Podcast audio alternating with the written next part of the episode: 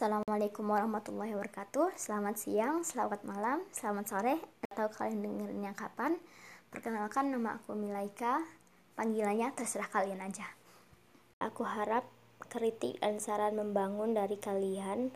So, apa sih yang bakal aku bahas di podcast ini? Banyak, banyak hal yang pengen aku bahas. Entah penting menurut aku pribadi Atau penting menurut kalian Nah, episode pertama kita akan membahas jangan menilai orang dari covernya. Kenapa sih harus membahas ini? Karena memang ada beberapa hal yang perlu diluruskan menurutku. Uh, pertama, kita harus mengetahui bahwa ada dua penilaian.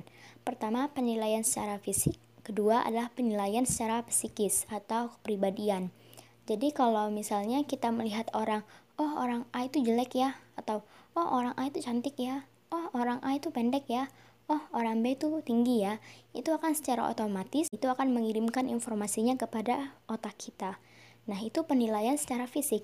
Kedua adalah penilaian secara psikis. Nah, di sini letak jangan menilai orang dari covernya.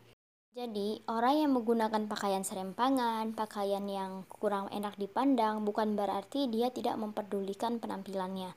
Atau ketika kita bertemu dengan orang yang memakai celana bolong-bolong, baju bolong-bolong dengan kalung rantai, e, belum tentu dia adalah seorang preman. Nah, dari situ penilaian psikis.